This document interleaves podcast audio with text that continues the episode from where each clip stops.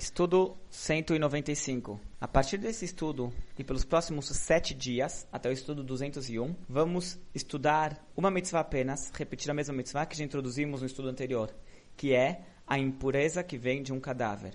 O motivo dessa repetição é, já explicamos anteriormente, pois o estudo do Sefer Mitzvot, ele tem um estudo paralelo. No estudo das mitzvot, nós apenas, apenas citamos as mitzvot como o Rambam ele numerou as 613 mitzvot. O estudo paralelo a esse estuda os, as leis e detalhes de cada mitzvah.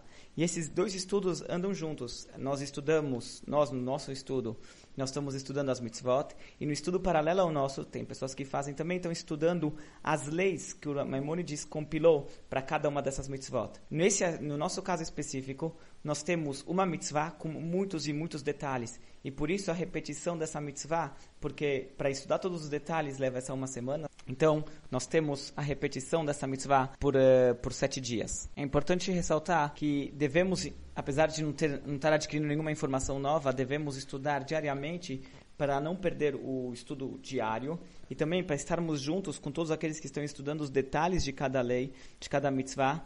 Então, para a gente participar do estudo também deles, então é importante repetir essa mitzvah. A mitzvah propriamente dita é o assunto de, ele começa o assunto de pureza e impureza, que é um assunto bastante complexo na lei judaica.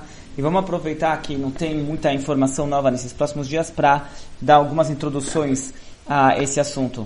Uma primeira, uma primeira nota é que essas leis hoje em dia elas são pouco relevantes, ou se não quase não relevantes, não tem quase nenhuma importância o assunto de pureza e impureza.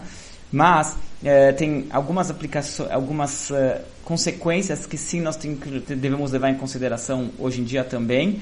E, além disso, nós também, como é Torá, tem a importância e o valor de estudo da Torá, e sempre tem uma lição que nós podemos tirar para os dias de hoje.